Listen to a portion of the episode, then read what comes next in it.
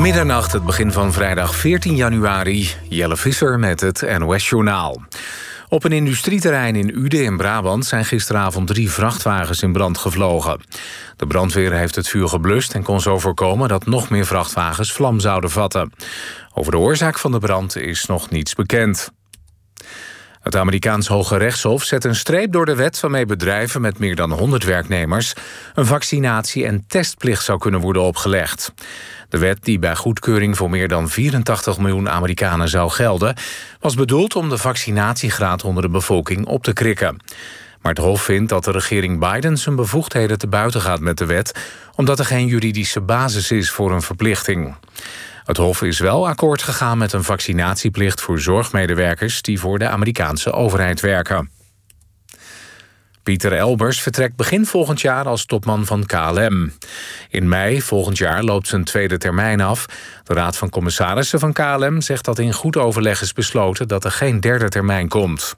Waarom Elbers niet aanblijft als topman is niet bekendgemaakt. Volgens de ondernemingsraad komt het bericht over zijn vertrek hard aan. De OR zegt dat Elbers zeer gewaardeerd en zeer geliefd is. Bij moederbedrijf Air France KLM was Elbers minder populair. Hij zou regelmatig hebben dwarsgelegen bij plannen die de autonomie van KLM zouden inperken. En de Nederlandse handballers zijn hun tweede EK begonnen met een stunt. Voor het oog van ruim 20.000 Hongaren werd het gastland met 31-28 verslagen.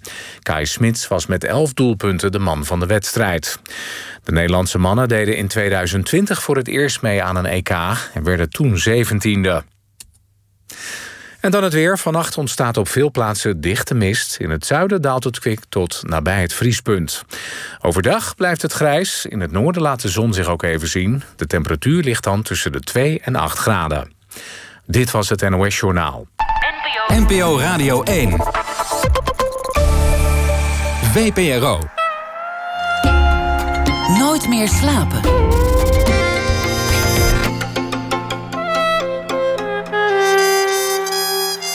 Met Pieter van der Wielen. Goedenacht en welkom bij Nooit meer slapen. In Amerika kent iedereen het verhaal. Probeert ook iedereen zichzelf ergens in de stamboom als nazaat te herkennen. Nazaat van de Pilgrim Fathers. En als dat allemaal waar is, zouden bijvoorbeeld George W. Bush en Barack Obama verre familie van elkaar zijn. In het land waar ze ooit vertrokken, Nederland, is die geschiedenis toch minder bekend.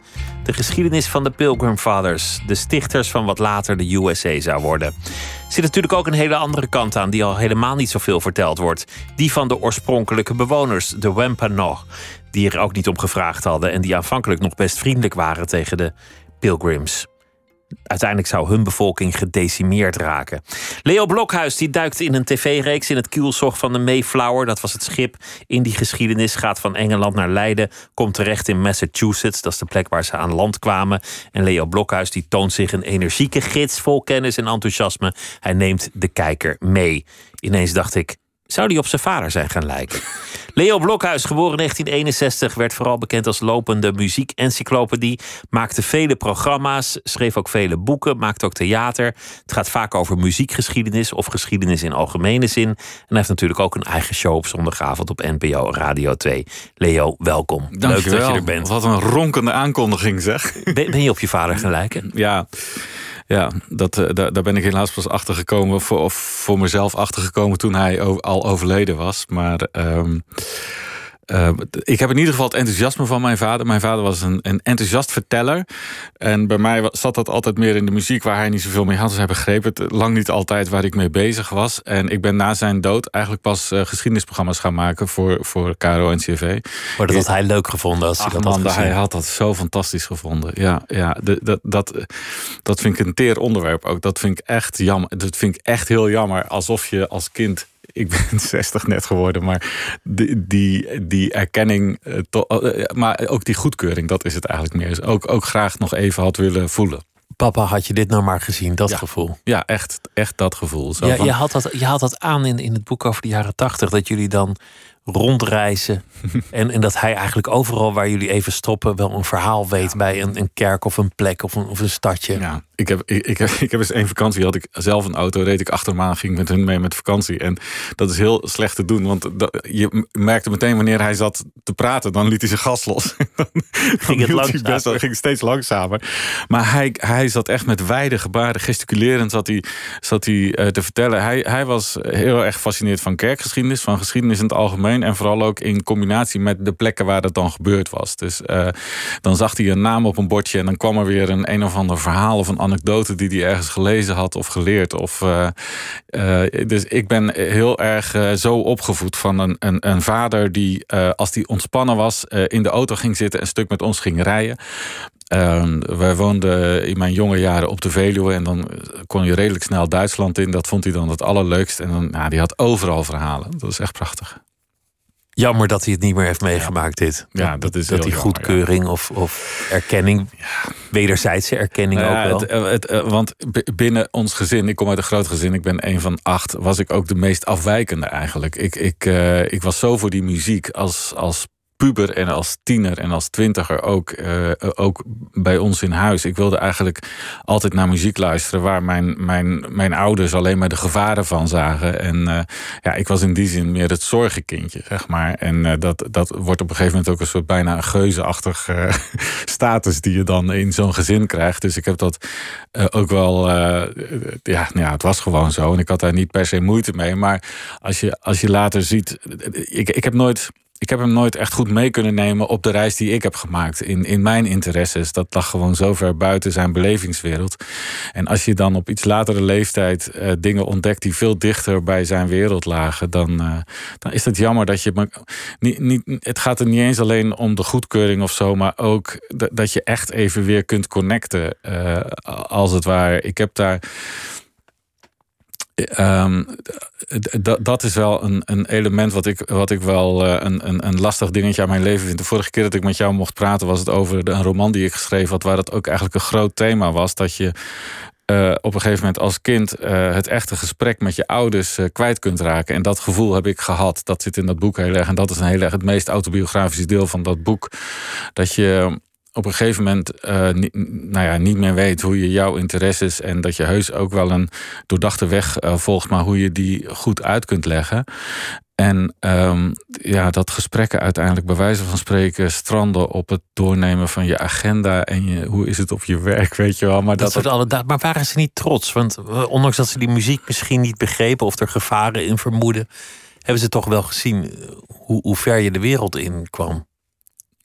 Uh, ja, ik, dat, zouden, dat zouden ze zeker zeggen, dat ze trots waren. Maar het was altijd een soort bezorgde trots. Van gaat het wel goed met die jongen? gaat hij niet veel te ver van, uh, van, van de omgeving waar wij hem opgevoed hebben vandaan? En uh, ze, heel lief hoor, dus ik, het, het, is geen wrok of zo wat ik heb. Maar ik, ik vind zelf dat we, dat we een, een diep contact daarin wel, wel al vrij vroeg kwijtgeraakt zijn dat, dat, dat, dat je sommige onderwerpen maar niet meer uit, uh, aansnijdt, omdat je, je toch niet meer weet hoe je het uit moet leggen. En, ja. Uit elkaar gegroeid, maar, maar ja. niet echt met conflict. Nee, helemaal nooit, niet. nooit een nee. clash gekomen. Nee. nee Terwijl, terwijl er wel dingen zijn gebeurd in, in, in je leven waar een conflict uit had kunnen komen. Ja, er is. Ja, zeker.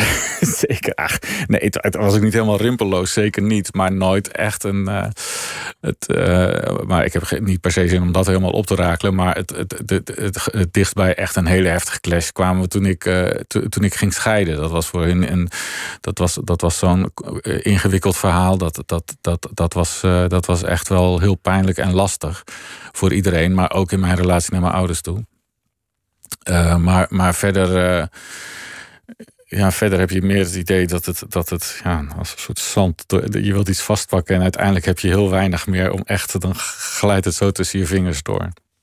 En dan ineens zijn mensen er niet meer en dan kan het niet meer. Ja, ja. ja, ja zo gaat het. Ja. Hoe kan het eigenlijk dat muziek jou, jouw ding is geworden? Waarom, waarom werd je zo bezeten door die muziek? Ja, ik, daar heb ik zelf heel veel over nagedacht. En ik kan daar wel hele rationele verklaringen voor geven. Maar uiteindelijk kan ik het alleen maar vergelijken met... ja, hoe kan het dat ik zo stapelverliefd op Ricky geworden ben... terwijl er zijn zoveel vrouwen, bij wijze van spreken. Dat, en ik kan daar heel goede argumenten voor geven. Hoe fantastisch zij is en hoe mooi en, en hoe goed we passen en weet ik het wat. Maar het, blijft, het, het houdt ook iets heel erg uh, irreëels. En voor mij ligt het daar een beetje. Maar ik herkende in de muziek een... Uh, een hele emotionele vorm van, van communicatie.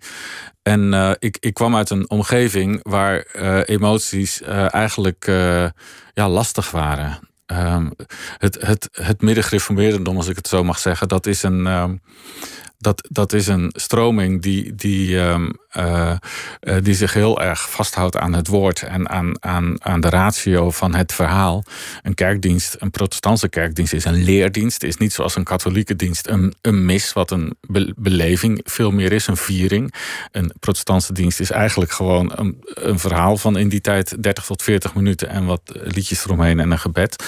En, en um, ik. ik uh, ik, ik denk, als ik daar nu op terugkijk, dat ik uh, dat, dat wat mij het meest aansprak is dat het, uh, het meest aansprak dat het zo'n dat het zo'n emotionele vorm van communicatie is. Dus wat eigenlijk miste, de emotionele communicatie, dat, dat kon heel rechtstreeks via die muziek. Ja, man. Ja, ja. Muzikanten die gewoon dingen tegen jou zeggen. Gewoon, je bent alleen op de kamer met ze. En ze spreken voor je gevoel. Het, het snijdt recht naar binnen. David Bowie praat met jou. Of, nou ja, bij wijze van spreken. Ja, die zegt zulke verstandige dingen.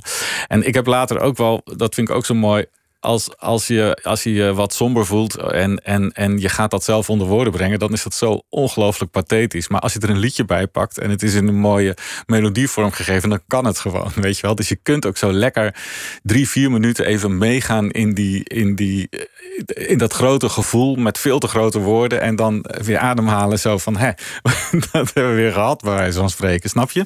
Dus dat, ik, ik, vind, eh, ik vind dat ook een heel, nog altijd, vind ik dat een hele, hele mooie uh, uh, functie van, van muziek. Dat het, dat het je zo, zo bijna onbekommerd mee kan sleuren in, in een hele grote vreugde, in, in diep verdriet, in, in grote onzekerheid. En, en, uh, en dat binnen de afgebakende tijd dat een liedje duurt. En de niet-rationele kant van het leven, die, die misschien ook deels wel een rationeel element in zich draagt, is toch altijd interessanter dan de strikt wel rationele kant van het leven. Dus, dus als je zegt, het is zoiets als dat ik verliefd werd op, op mijn vrouw, Ricky. Ja. Dat, dat, dat, dat stond buiten jezelf. Daar had je geen invloed op. Ja, mooi is dat. Ja, ja en Het, het kwam ook ongelegen. Het, het was ook een totale verrassing, maar het viel niet te weerstaan. Ja. Je nou, moest eraan gehoorzamen. Ja. Ja, dat was met muziek eigenlijk ook zo. Als ik, uh, ik was namelijk ook geen herrieschopper. Ik had ook helemaal geen behoefte om, uh, om lekker dwars te zijn thuis of zo. Ik, ik ben volgens mij helemaal geen lastige tiener geweest, de puber. Maar, maar die, de, de, de, de aantrekkingskracht van muziek was zo groot... dat wat mijn ouders er ook over zeiden, dat ging nooit meer loslaten. Dat was een irrationele kracht, ja. Maar dat zijn de mooiste, in wat je net al zei... dat zijn natuurlijk de mooiste krachten in je leven. Dat geldt in geloof ook voor een heel groot deel. Veel van die verhalen gaan over hoe om te gaan met de irrationele kracht. Of je dat nou de hand van God noemt of niet. Ja. Je zou kunnen zeggen dat het geloof voor velen zelf een irrationele kracht is. Ja.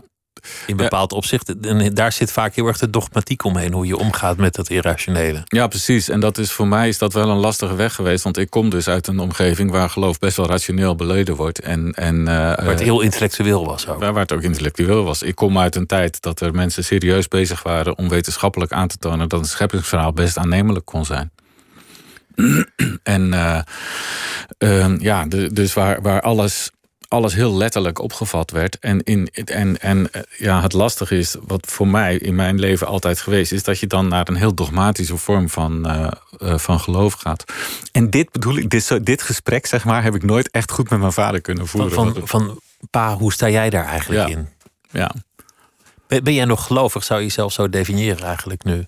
Ja, ik zou me nog wel zo definiëren, maar wel op een hele andere manier dan waarin ik daar opgevoed ben. En ik, voor mij is het wel, wel um, um, veel minder uh, uh, concreet, zeg maar, als dat het was. Maar um, ik vind het toch nog altijd ook wel mooi om aan de oude verhalen vast te houden en uh, daar de waarheid in te zoeken. De traditie betekent nog wel iets voor je, de Ja, verhalen zeker. waarmee je bent Ja, opge- ja, zeker. opgevoed. Ja, het zijn prachtige verhalen sowieso. Ook al zou je ze los van je geloof koppelen. Onze halve eh, ja, cultuur is erop gestoeld eigenlijk. Het is alleen om die reden al is het goed om ze tot je te nemen. Maar voor mij vormen ze een onlosmakelijk deel van wie ik ben. En eh, ik, ik, ik, ik, heb, ik, ik heb een tijdje geleden losgelaten om te, te proberen te ontrafelen wat ik daar wel of niet precies van geloof. Want ik vind dat zelf niet zo heel erg interessant. Maar het blijven inspirerende verhalen voor mij.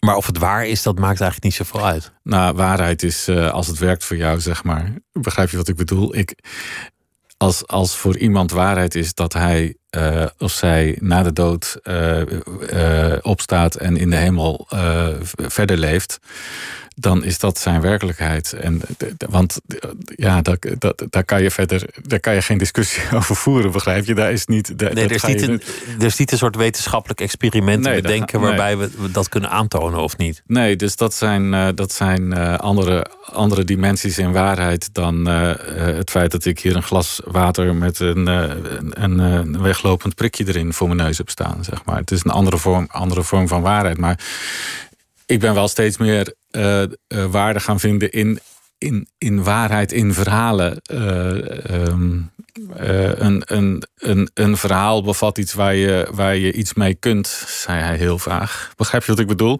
Een, een verhaal kan een, kan een les of een houvast bieden in, in je leven. En ehm, eh, d- dat vind ik eigenlijk veel interessanter om, te gaan, dat, om dat daarin te vinden dan om te ontrafelen of iets wel of niet echt gebeurd is of zo.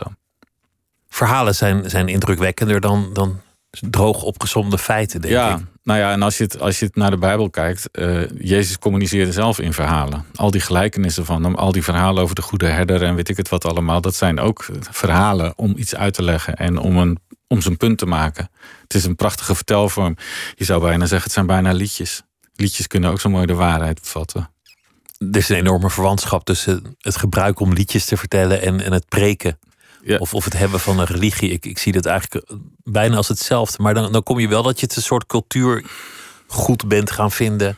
Ja, maar Is, is dat dan ook geloven dat, dat er een God is en een, een verlangen naar een hiernamaals? En geloof in goed en kwaad dat er ergens ooit een afrekening zal zijn met, met de kwaden. En dat het allemaal goed zal komen.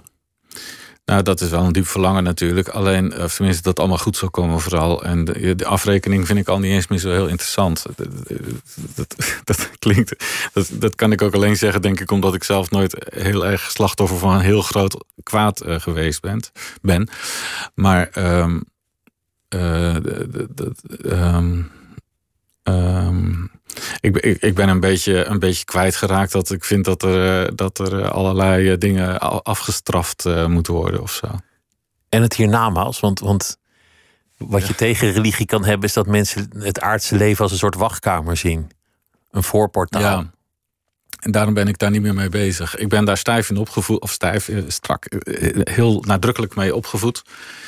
Ehm, en ehm, ik, ik, ik ben er niet meer mee bezig. Ik kan het niet zeggen of het wel of niet eh, zo is. Eh, mijn, mijn, eh, mijn ouders zijn allebei overleden met, nou ja, wa- waarbij we elkaar beloofden dat we elkaar weer zouden zien, zeg maar. En op dat moment werkte dat. En ja, he- heel plat gezegd, ik zie wel. Het zou mooi zijn als het zo was, toch? Het zou toch fantastisch zijn. En ehm, ja, ik kan, me, ik kan me heel goed voorstellen dat als je een dramatische sterfgeval hebt dan je ouders die op redelijk hoge leeftijd overlijden, dat dat je, je, je houvast is in je leven.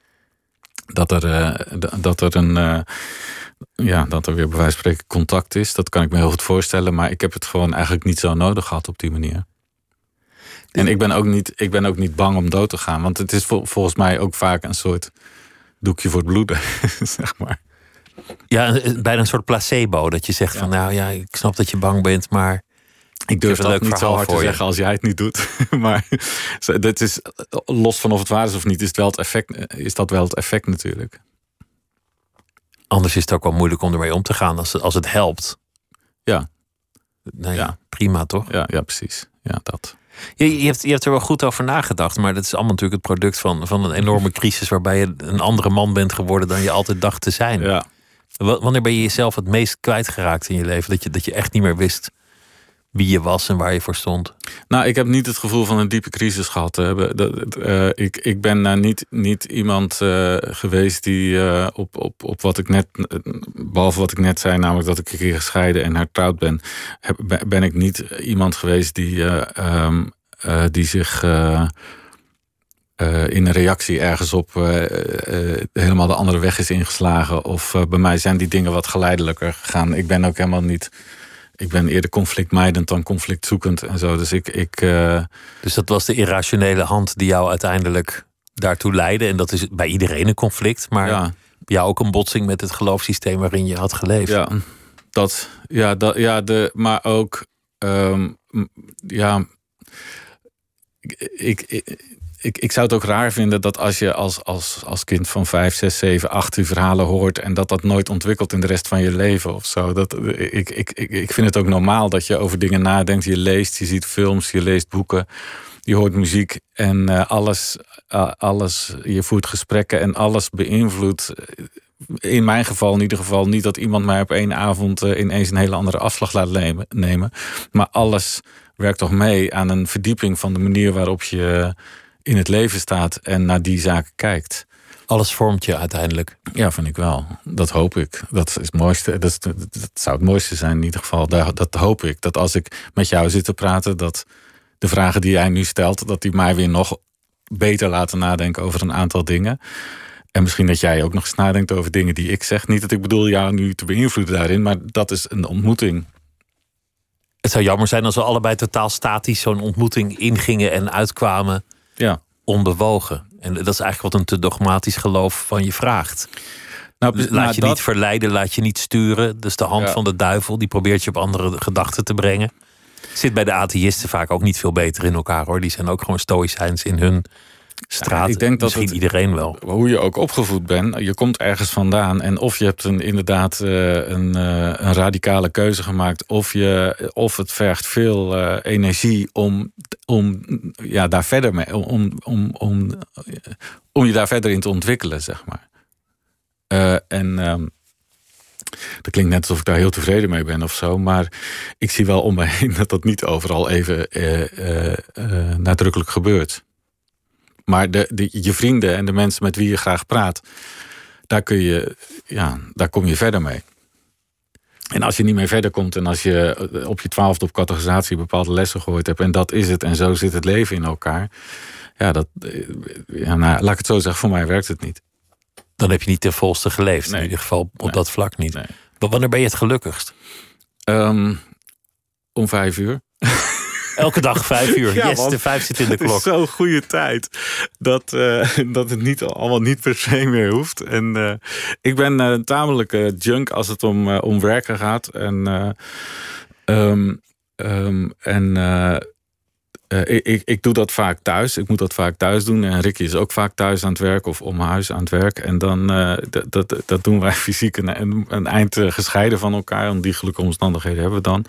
En zo vijf uur, half zes, dan, dan kun je elkaar weer opzoeken. En dan, dan ga ik een beetje koken. En dan, dan begint het leven. Nou man, dat vind ik echt zo'n zo'n moment. Dat vind ik nog mooier dan laat in de avond. Dat vind ik zo'n moment dat je even... Nou ja, even een praatje maakt, bij wijze van spreken, eh, de dag doorneemt als het ware. Eh, misschien een drankje of, of, of, geen drankje, of tenminste of een glas water of een thee, weet ik veel. Maar uh, het fijnste een wijntje en dan uh, even gaan zitten. Dat vind ik echt. En dan kan het best zijn dat ik s'avonds, dat gebeurt vaak, dat ik daarna weer aan het werk ga of zo. Maar dat vind ik echt zo'n heel fijn moment. En ik, ik vind het ook een heel fijn antwoord, want, want je had ook kunnen zeggen. Nou, als ik op een zeilboot zit in een, in een Griekse baai en iedereen is er en het, we hebben de hele dag gevaren en die zon gaat zo onder en, we drinken een glas, weet ik veel wat we drinken. En, maar dat is natuurlijk een heel schaars geluksmoment. Heb juist gewoon elke dag vijf uur is die gelukkig? Dan moet je me bellen als je me goed wil spreken. nee, ja. Ik ben wel... Ja, nee, tuurlijk. Ik hou heel erg van vakanties en dingen zien en zo. Maar eigenlijk... Uh, ja, nee. Dat zou ik wel heel moeilijk vinden als ik, uh, als ik in september weer moet wachten tot, uh, tot eind juli volgend jaar... dat ik weer gelukkig ben of zo. Ja, zo, zo moet het niet werken. Vakantie is in die zin enorm overschat. Als je daar je geluk uit moet halen. Ja, ik ga er wel lang op, zeg maar. Ik, heb wel, ik ben wel zo iemand die dan filmpjes maakt en dat ook even monteert met een muziekje eronder. En dan kan ik best wel eens even lekker naar, uh, naar terugkijken. Ja. En dan heel lang kiezen wat het muziekje moet zijn. Ja, zeker. Dat is heel belangrijk. Nou. Had, je, had je die muziekjes in, in deze serie ook zelf gekozen? Ik heb me er wel mee bemoeid, uh, ja. Maar uiteindelijk zit iemand dat te, te, te, monteren en dan gaat hij ook in de flow waar uh, in dit geval hij zit. En uh, ja, sommige dingen duw ik er met een schouderduwtje dan toch wel echt in. Dat, wat ik, dat ik dat heel belangrijk vind. Maar, maar ja, de, de, uiteindelijk is de editor en de, en de regisseur, dat zijn toch de mensen die daar de finale keuzes in maken. Want er zijn ongelooflijk veel liedjes gemaakt over pilgrims en pilgrim ja. fathers. En, uh... Ja, maar niet allemaal even smaakvol. En ik vind uiteindelijk wel dat de serie smaakvol moet zijn. Dus dan heb ik op een gegeven moment... Uh, uh, uh, heb ik liever uh, een liedje van uh, Bill Fay, wat muzikaal en in een licht melancholie in de tekst de goede sfeer geeft. Waarvan ik vind dat die past bij de beelden en het verhaal dat we vertellen. Dan dat ik een een of andere folkzanger een Iers traditioneel liedje hoor zingen over zijn grootouders die gaan pilgrimeren of zo. Maar ik, ik, ik, ik vind. Ik... Liever een leuk liedje dan een toepasselijk liedje in die zin. Nou ja als je zegt toepasselijk, dan bedoel je textueel toepasselijk. Maar ik, ik, ik kan een liedje nooit alleen als tekst zien. En, dus ik, ik uh, en ik vind ook, voor mij hoeft het ook niet zo banaal één op één te zijn. Ik hoor nu Pilgrim, dus het past in dit programma. Nee, het gaat ook om sfeer en om wat een liedje brengt je ergens in je hoofd of in je gevoel. En dat is mooi als dat aansluit bij waar we met het verhaal heen gaan. We gaan luisteren naar Otis Redding. Yes. Want je hebt uh, je jongste zoon vernoemd naar Otis. Ja. En ja. nou ja, dat zegt eigenlijk alles over hoezeer je die muziek waardeert. ik waardeer die muziek zeer. Overigens is dat een naam die Ricky, mijn vrouw, verzonnen heeft. Ik had het zelf niet eens, ik was er niet eens opgekomen. Maar ik vond wel meteen een uh, prima naam. En uh, we vinden het een leuke naam, omdat we Otis allebei heel erg goed vinden. Otis Redding, maar het is ook een lekkere naam. Gewoon, het is een simpele naam. Otis is twee lettergrepen, dat is ja, perfect. Dat is perfect. En uh, in het Engels klinkt het niet heel anders dan in het Nederlands. Het is geen uh, Michael of Michael of zo, weet je wel. Het is gewoon helder, Otis. ik, ik vind het goede naam. Maar. We gaan luisteren naar Try a Little Tenderness.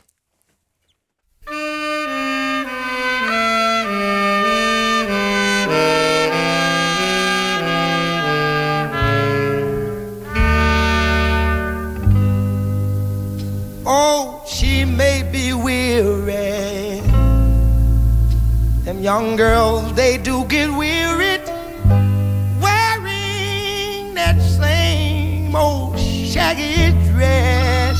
Yeah, yeah. But when she gets weary, try a little tenderness.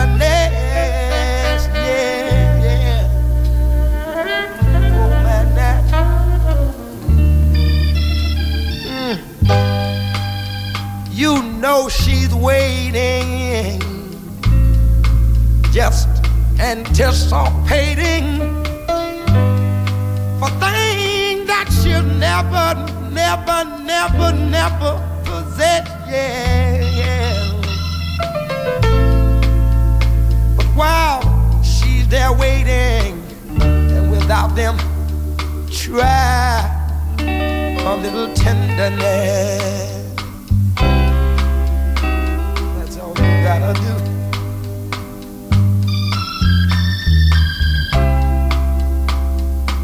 It's not just sentimental, no, no, no.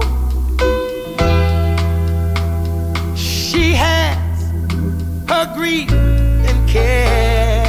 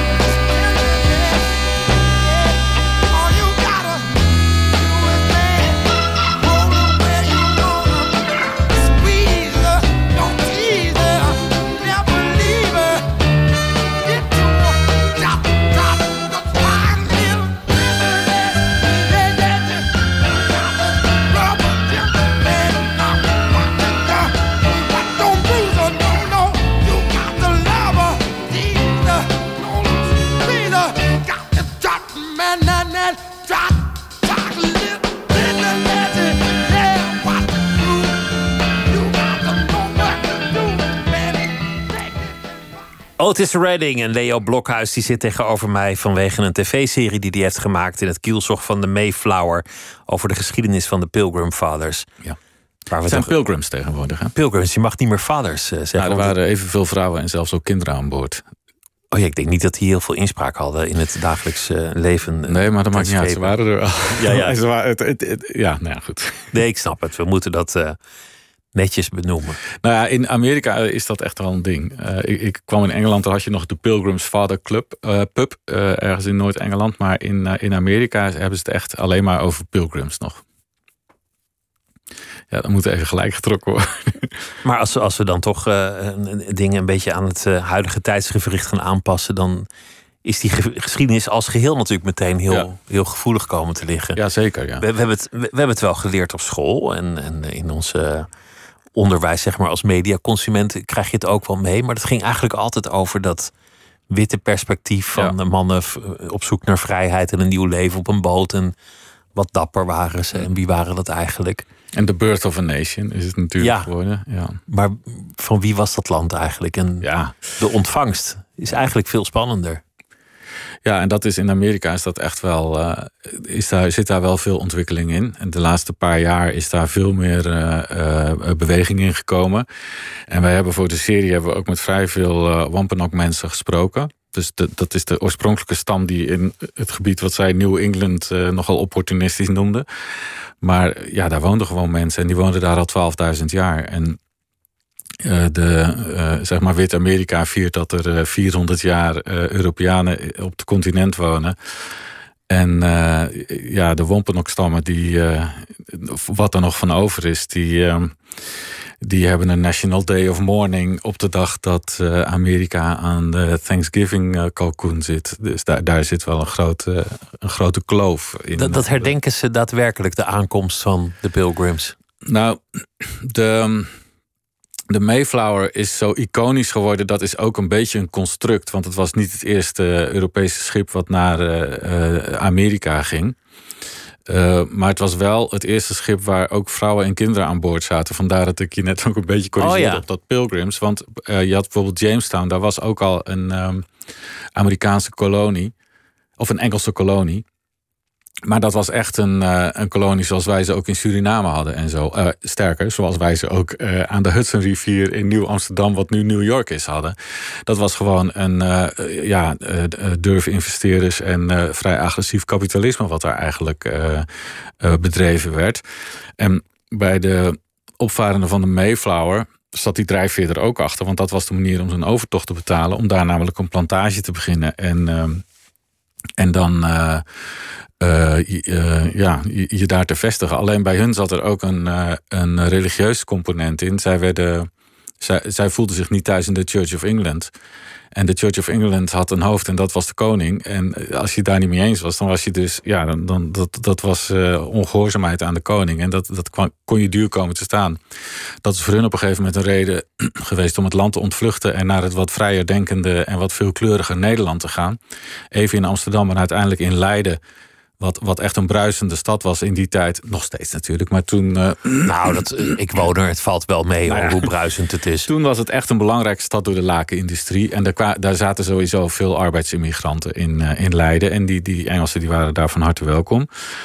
Ehm, en die mochten ook wel hun eigen geloof leiden daar. Alleen ze mochten geen kerk zelf neerzetten. En, en uiteindelijk was het een, niet een hele erg grote groep. En, en die mensen die maakten zich ook wat zorgen over of ze nou ja, die kinderen die begonnen al Nederlands te spreken en zo. Ja, die gaan natuurlijk gewoon op in zo'n eh, in zo'n stad.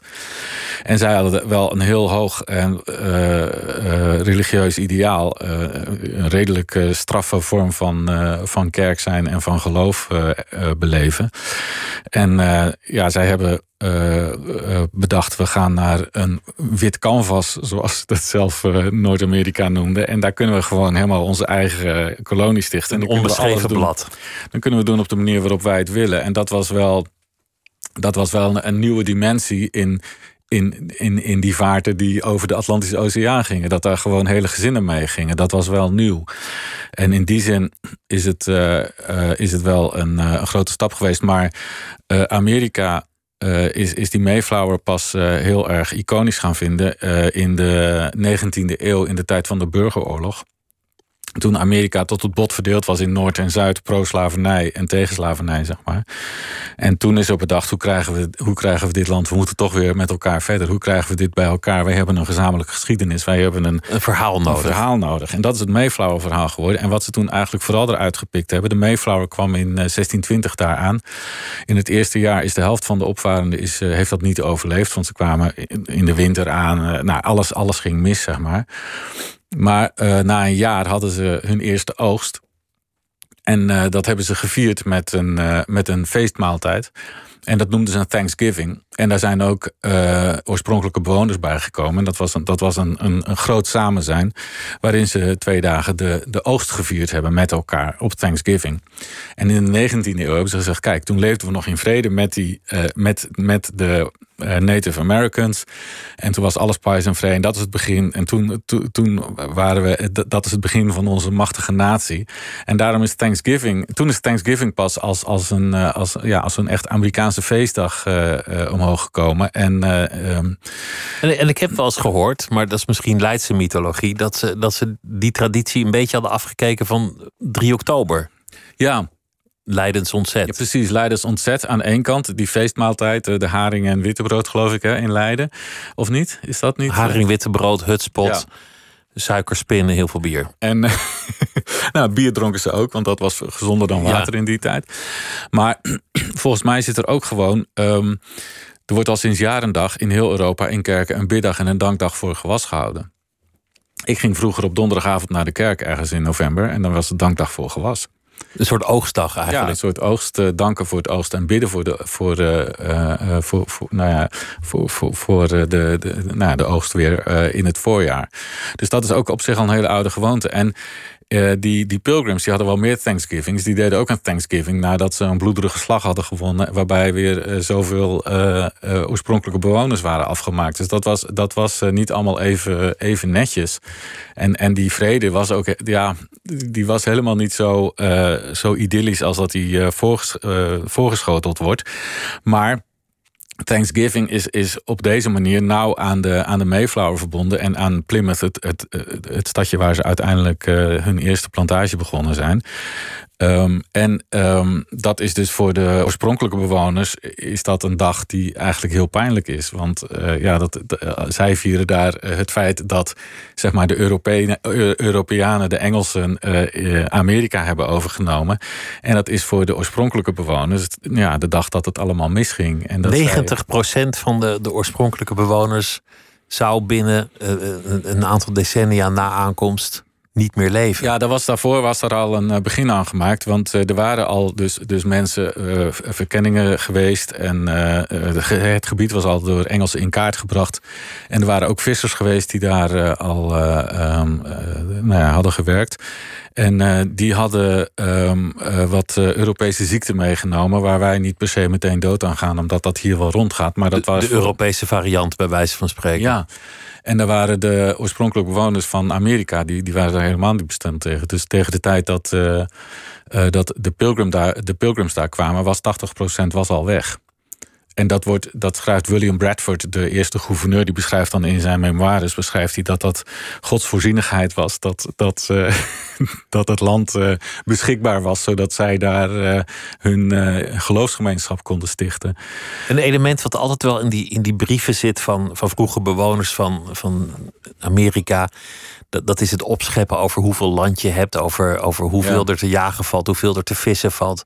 Eigenlijk dat je er op hele grote voet kan leven. Hmm. Dat, en dat, dat is iets wat, wat altijd in het Amerikaanse ja. genoom is blijven zitten. Van hier kan je is, op grote voet leven. En dat is eigenlijk heel raar, want uh, die, uh, toen, toen de pilgrims daar aankwamen.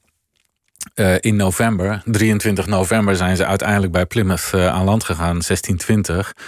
Dat is een periode dat de oorspronkelijke bewoners, wat daar nog van over is, niet aan de kust gaat wonen. Want het is veel te koud en de zeewinden en zo, die trekken zich wat terug het land in. En die komen in het voorjaar komen ze weer. weer dat, dat, dat beweegt een beetje mee met de, met de seizoenen.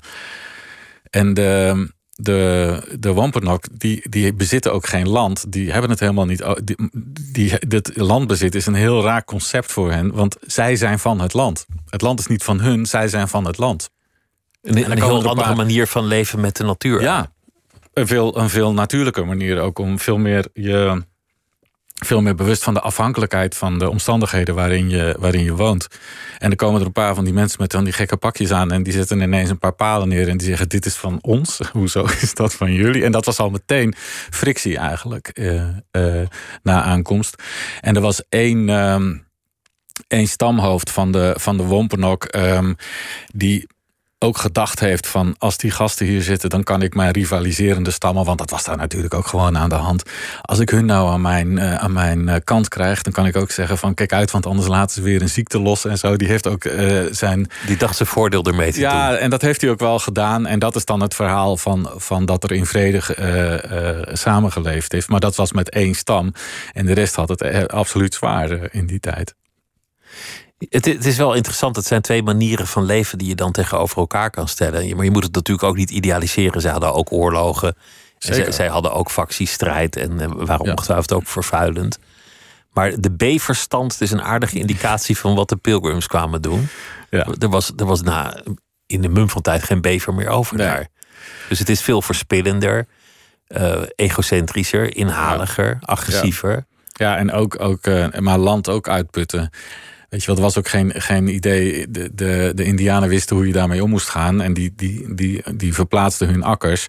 En zij gingen door op dezelfde. En dan, dan put je ze uit, weet je wel. Dat, ze, hebben, ze hebben aanvankelijk heel veel van de oorspronkelijke bewoners moeten leren. Hoe je met respect met het land omgaat. En hoe je de boel niet uitput. Nou, met de bevers is dat niet gelukt. Um, maar um, uh, dat, dat beververhaal, dat, is ook, dat toont ook, uh, zeg maar, wat ik net al zei, dat vroeg kapitalistische systeem. Want ze hadden dat ook nodig, want zij waren, zij waren eigenlijk op de pof naar Amerika gegaan. En zij hadden gewoon investeerders in Londen zitten. die gewoon uh, eieren bij. Uh, hoe heet het? eieren voor hun geld wilden hebben. Die wilden gewoon ja, opbrengsten uit, uit, uit hun investering hebben. Dus er moest handelswaar moest die kant op. Pelsjes moesten er dat komen. waren pelzen. Dat was ook hout. Er werd veel hout. er is behoorlijk wat afgekapt daar. En uh, ja, dat ging niet. Dat ging niet. En, en als je nu met de Wompenok mensen praat, dan zeggen ze ook: we hebben nu zulke grote problemen. Het wordt wel tijd dat we weer eens onze tradities terug gaan halen. Want ja, wij gingen veel heel anders met, met de wereld, met ons land en met natuur om dan dat, dat de Europeanen gedaan hebben. Nou, die hebben nu wel laten zien hoe het eigenlijk niet moet. En het zou eigenlijk heel goed zijn als we in sommige dingen gewoon weer een beetje terug zouden schakelen naar hoe wij denken dat je met de natuur om moet gaan. Dat je wat bescheidener ten opzichte van je land. Ja, de, met, als, de, met, als, sorry, maar met als grootste, diepste verschil, dat vond ik wel behoorlijk indrukwekkend toen een van de oude stamhoofden, Tol, ook uh, dat, dat uh, zo in mijn gezicht wreef. Hij zei: They put profit over people. Winsten gaan belangrijker dan mensen. En dat is, ik zei net, ja, ik wil niet helemaal als een, als een neo-hippie overkomen, maar uh, ja, het is, het is een vroege vorm van kapitalisme waar uh, niets ontziende uh, besluiten werden genomen om, om de commerciële missie te doen slagen. Die, die, die mannen worden ook steeds vaker als een soort geloofswaanzinnigen. Je zou, je zou ze kunnen vergelijken met Syriëgangers. Dus, dus mensen die, die zo'n ongelooflijk conservatieve vorm van geloof voorstaan, zo dogmatisch dat ze nergens meer kunnen aarden en dan uiteindelijk denken: nou ja, misschien lukt het daar, dan stichten we daar ja, ons, uh, ik vind noem het een dat, kalifaat. Ja. Nou ja, dit gaat te ver. Dit gaat wat te ver. Want, want bijvoorbeeld um, bij de Syriëgangers die naar Amerika gingen, nee, met, bij de. Kijk, de situatie in Europa was anders.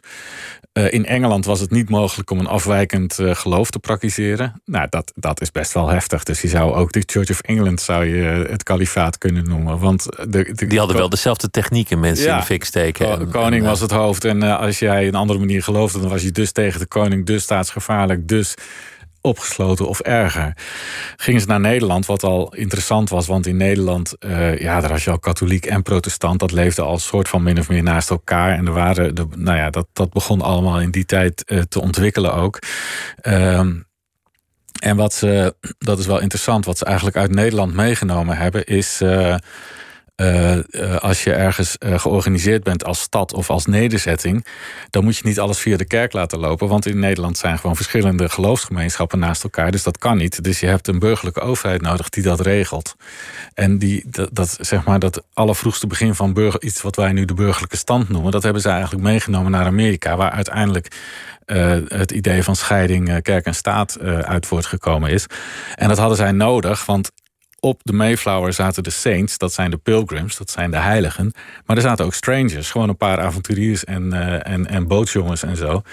Die helemaal niks met die fanatieke gelovigen te maken hadden. Maar die wel interessant vonden of naar Amerika te gaan. Of om, ja, mensen, er waren mensen nodig die die boot uh, uh, vooruit konden brengen.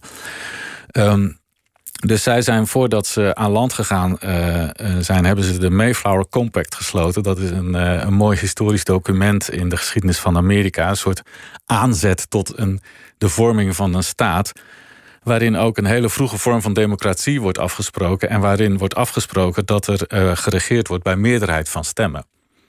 En dat schijnt ook iets te zijn wat ze uit Leiden hebben meegenomen. Want democratie was nog niet echt een ding in Europa. Maar in Leiden had je verschillende uh, uh, gewesten in de stad. En uh, daar waren vertegenwoordigers. Die werden, die werden bij meerderheid van stemmen aangewezen. Dus dat is een hele vroege vorm van democratie. En dat, dat heeft later zijn invloed gehad op de, de geschiedenis van de Verenigde Staten. Misschien nou, wel. De, ik, de, daar zou ik nog wel eens dieper op in willen gaan in een, in een ander project. Maar uh, die, die, die manier, het, het feit dat, dat vrijheid van meningsuiting ongeveer het hoogste goed is uh, in Amerika, daar kun je wel duidelijk Nederlandse wortels in zien in, in uh, die praktijk. Dat is ook bij Nieuw Amsterdam was dat zo. Daar kwamen verschillende gelo geloofsgemeenschappen kwamen daar samen. Uh, daar was niet één kerkelijke uh, bovenliggende partij. Dus je moest, je moest het gewoon rooien met elkaar. En het, is, zijn barre omstandigheden. Je moet het allemaal van de grond af opbouwen. Dus je moet een, een modus vinden om in, uh, in verschillende, met verschillende overtuigingen... wel met elkaar daar een, een nederzetting te bouwen. En dat hadden ze in Plymouth eigenlijk ook. De meerderheid was vrij fanatiek gelovig. Dus die, die waren blij, wij gaan gewoon ons eigen kerk bouwen. Daar kunnen we doen wat we willen. Maar er zijn mensen die daar niet naartoe gaan... en die, ja, die, die, die daar verder niks mee te maken willen hebben. En dat accepteren we. Maar ze moeten zich wel voegen naar de meerderheid van stemmen die zegt van we doen het hier zo. Naar de wet, de burgerlijke maar, wet. Maar je dwingt niet die mensen om naar de kerk te gaan bijvoorbeeld. Maar wat was er in hun geloof waarom ze niet konden aarden in, in Engeland? En waarom uiteindelijk in, in Leiden ze ook dachten van ja, het, het gaat hier ook niet helemaal lukken. En uiteindelijk besloten weg te gaan. Wat onderscheidde hun geloof van, van het heersende geloof? Nou, eigenlijk vonden ze. Kijk, de, de Church of England is eigenlijk gewoon een katholieke kerk. Uh, met King Henry, die voor de zoveelste keer wilde trouwen. En de paus zei: Nou, sorry, maar nu, uh, nu ga ik daar niet meer in mee. En ik zegen dat niet meer in. En toen zei hij, doe ik het zelf wel. En dan hoor ik ook niet meer bij jou. En dan ben ik nu mijn eigen kerk. Maar daar lag geen, uh, daar lag eigenlijk meer deze praktische verschil van mening achter. Dan dat er echt een, een wezenlijk verschil van inzicht in hoe je een kerk organiseert daarachter zat. En uh, dus de Church of England heeft, heeft uh, eigenlijk, had eigenlijk gewoon nog een mis. En, en uh, was best wel een, een, een, een kerk die in heel veel op de katholieke kerk leek met een hiërarchie en zo. Um, een kerkelijke hiërarchie van bisschoppen en een koning die aan het hoofd staat. En de Leidse en, kerk? Nou, de, uh, niet, niet, dat er een Leidse kerk was hoor, maar uh, nee, de, de, nou, de, de, de pilgrims, zeg maar, de, de mensen die naar Leiden kwamen, die waren eigenlijk veel meer protestants uh, georiënteerd. En in een protestantse kerk kennen we geen hiërarchie, geen geestelijke hiërarchie. Maar is God het hoogste gezag en lees je zelf al in de Bijbel wat hij vindt. En je hebt, niet, je hebt niet de poort van de pauze, Maria en weet ik het wat. Daar, daar zijn niet die schijven die in een katholieke kerk zitten. Die zijn daar niet tussen. Dus in feite is zo'n kerk platter. En, en God als ja, het, gaat tussen jou en God. En dan, dan kun je daar nog... Maar dan gaan we heel diep in de... Uh, um, in de, in de theologie, dan kun je nog uh, Arminiërs en Gomares tegenover elkaar zetten, zeg maar. De remonstranten en de contra-remonstranten. Alle, Nederland... Allebei Leiden daar trouwens. Ja, ja, want, want de universiteit in Leiden was de oudste universiteit waar dat uh, uh, conflict speelde. En dan gaat het, da, daar ging het eigenlijk om, om of je. Uh, of je een eigen wil had of dat je uitgekozen was door God. Dus je bent, hoor je bij het verkoren volk en heeft God jou uitgekozen of kun jij daar zelf voor kiezen en kun je daaraan ontsnappen? Dus toch weer die irrationele hand die aan jou getrokken heeft, of niet? Dat, dat is de, de essentie van dat conflict. Heb je zeggenschap daarin? Ja, ja eigenlijk wel. Ja. Ja. En, en dat, dat wordt natuurlijk wel onderstoken met allerlei bijbelteksten en theorieën die daar weer op gebouwd zijn. Want het waren hooggeleerde heren die daar eh, ja, in die tijd, vlak daarvoor, in Leiden enorme ruzie over maakten. Ehm, maar uh, de. Dus als die pilgrims naar, naar de plaatselijke kerk waren gegaan, dat, dan hadden ze zich daar niet thuis gevoeld omdat er toch iemand op een kansel staat te preken. En waarschijnlijk hadden ze het allemaal toch veel te frivol gevonden. Ze hadden het sowieso te frivol gevonden. Er is een gerucht, maar dat is de vraag of dat, dat echt zo is. Want het is niet, er is geen geschrift van teruggevonden. Maar Volgens eh, de overlevering noemde eh, Robinson, de, de predikant die in Leiden voor, de Britten, eh, voor de Engelsen voorging, die noemde het orgel van de Sint-Pieter, noemde die de Devil's Bagpipes. Dat vond hij een veel te frivol instrument. Dat was, dat, was, dat was een instrument van de duivel. En daar wilden zij niks mee te maken hebben. Zij waren veel soberder daarin. En dat je een mogelijkheid zou hebben om zelf te kiezen en jezelf te ontsnappen aan, aan een christelijk geloof, dat ging er bij hun ook niet in. Je was daarvoor voorbestemd en dat zou je je hele leven doen. En dat heeft een wat, een wat neerslachtiger en een wat, wat, wat, um, uh, ja, wat zwaarder effect op uh, hoe, je, hoe je, in je in je geloof zit. Dus zij vonden veel dingen inderdaad wat te frivol, zoals die in de Sint-Pieterskerk uh, ervaren werden. En jij kent Leiden, de Pieterskerk. Dat is zo'n zo mooi, ja, als een halve cirkel staat hij daar in, in dat centrum van Leiden. En dan dat kleine pleintje wat aan de ronde kant van de kerk zit, daar zit een, daar zit een heel mooi binnenhofje.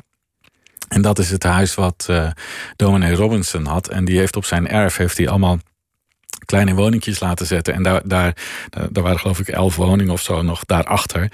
En daar woonden allemaal uh, van zijn mensen, zeg maar. Dus die kon daar in zijn binnenplaats of in zijn eigen woonkamer... kon hij dan zijn eigen kleine kerkdienst houden. Maar dan zal hij vermoedelijk die, dat enorme orgel van de Pieter wel gehoord hebben. En dat, dat was, moet, dat, dat moet daar doorheen gedreund ja, hebben. Dat, dat irriteert. Een, dat moet een irritatie geweest zijn.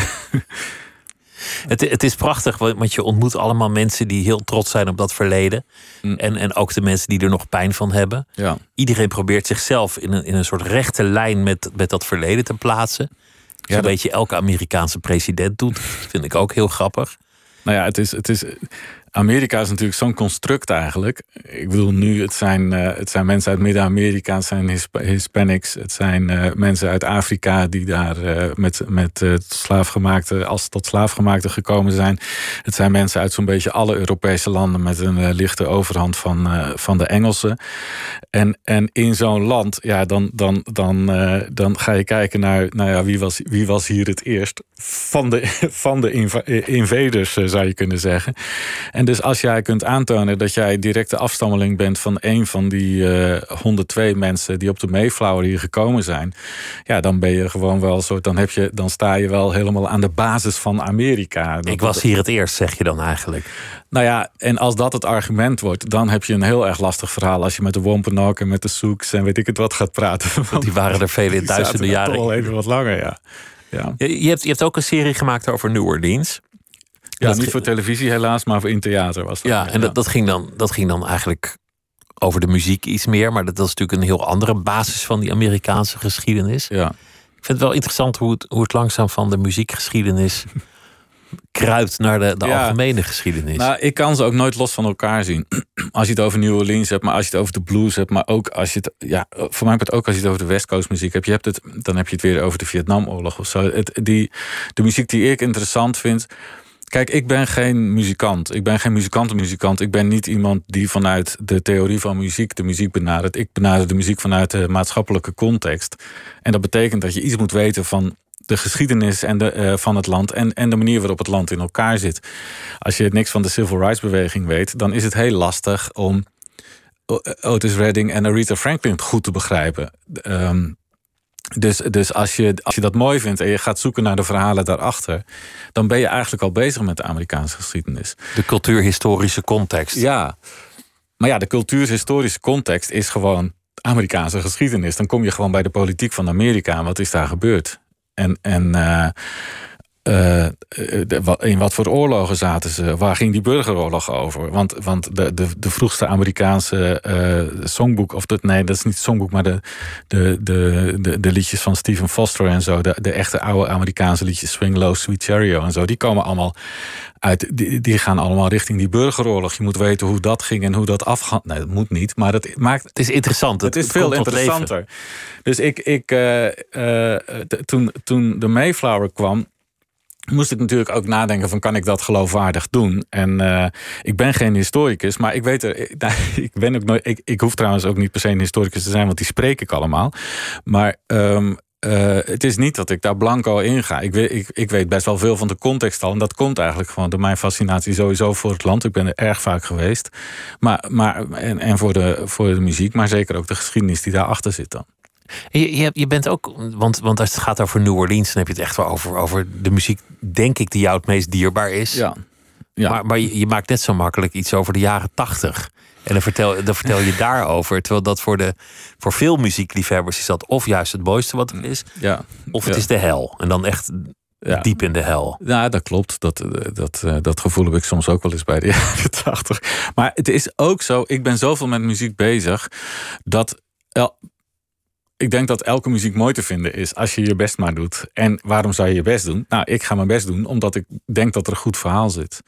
Ik heb me tijdens de eerste lockdown heel erg gestort op, uh, op de experimentele muziek van Berlijn. En dan kom je echt bij de techno uit. En dan kom je bij de krautrock, waar geen touw aan vast te knopen is. Als je dat vanuit de traditionele liedjestructuur benadert.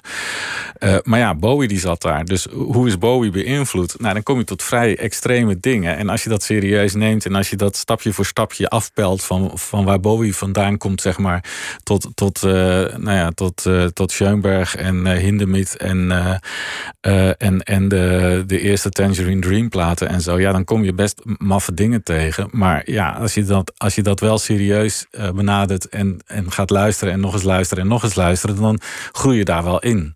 Want hij moest zichzelf daar heruitvinden en dat is toen gelukt.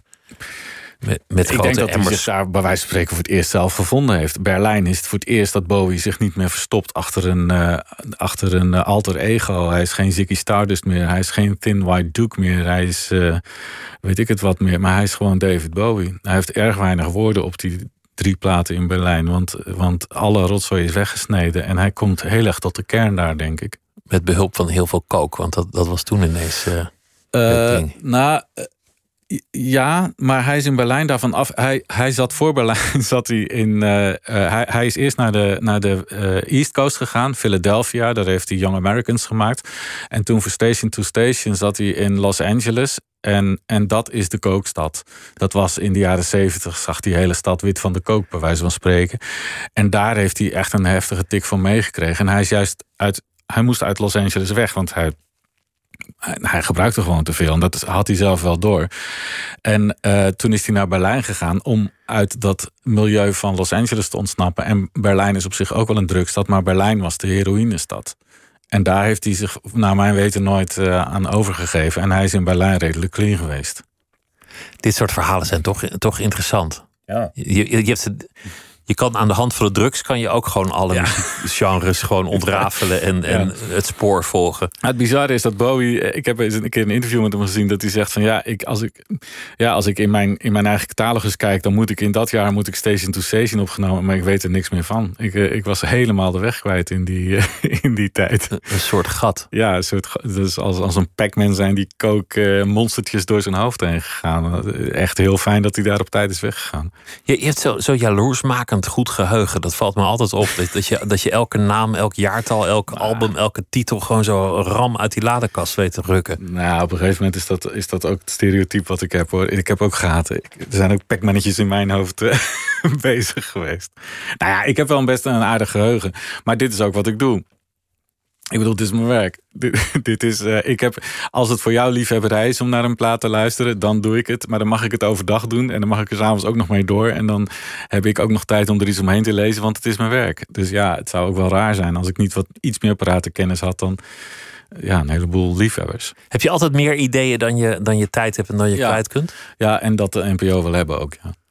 Dus, dus jij, jij zou bij wijze van spreken elke dag, ik weet niet wie je belt, maar kunnen bellen van... goh, ik heb weer wat. Oh man, ik heb echt hele goede ideeën. Er zitten nog wel een paar goede in de pijplijn hoor. Maar ja, het is, uh, het is een, uh, we, we, werken allebei op een stroperig medium. nou, de radio valt wel mee trouwens. Maar televisie, als je daar mooie dingen wil doen... dat is uh, soms wel eens moeilijk. Dat het duurt langer dan die tocht van de Mayflower voor je te doen nou, de Mayflower was in twee maanden aan de overkant. Nou, dat bedoel maar ik. die had wel een hele lange aanloop. Maar in twee maanden, die tocht zou ik niet graag zo doen. Want dat was echt bar en boos. Maar um, op, op een dek wat eigenlijk voor vaten bestemd was. Weet je wel. Het waren in die tijd helemaal geen passagiersschepen. Want, uh, Ach, wat zullen die lui zeeziek zijn man, geweest. Niet te geloven. Wat een vieze bende moet dat geweest zijn. Op één dek met een stel beesten. En dat scheidt en dat kotst en dat zweet allemaal daar in één ruimte... waar een paar lakens tussen hangen om je wat privacy te geven. Nee, ik denk niet dat dat heel fris geweest is. Ik denk het ook niet. Leo, dankjewel. Leuk dat je te gast wilde zijn. Leo Blokhuis was dat. En, Plezier was dit het. was uh, Nooit meer slapen voor vannacht. Morgen zit uh, Lotje IJzermans hier. En zometeen uh, Misha op deze zender. Goeienacht.